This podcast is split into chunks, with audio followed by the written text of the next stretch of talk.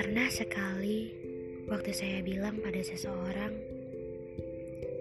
"Kalau kamu masih bisa lihat bayanganmu, maka percaya saja, saya ada di sana.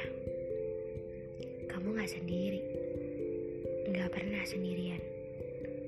Masih ada tempat pulang, bahkan sekedar untuk mengadu."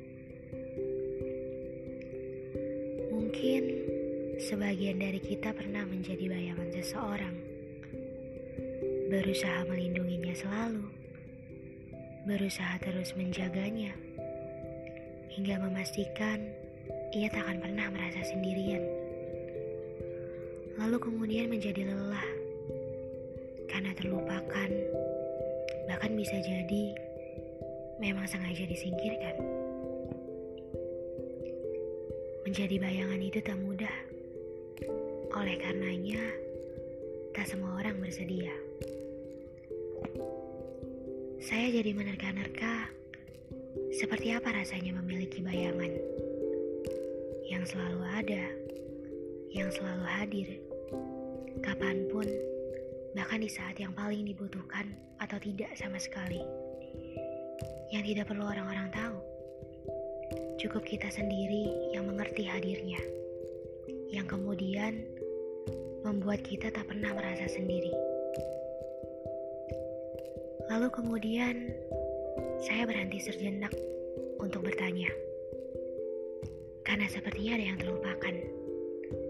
Bahwa sebenarnya setiap kita memang memiliki bayangan yang tak memerlukan orang lain untuk menjadi seperti itu.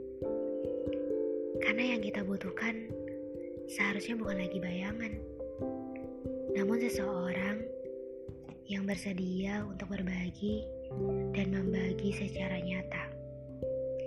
Seseorang yang tak merasa perlu menandingi, seseorang yang tak perlu merasa harus lebih baik, seseorang yang tak perlu membuat dirinya berada selangkah di depan atau setingkat di atas.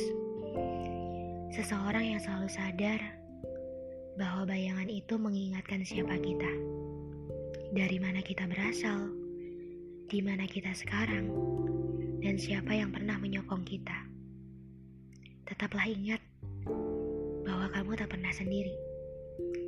Tetaplah menunduk agar ingat bahwa kita ada bukan untuk meniadakan orang lain. Tak apa mengalah untuk membaikan, karena kehadiran kita tak seharusnya menyingkirkan siapa pun.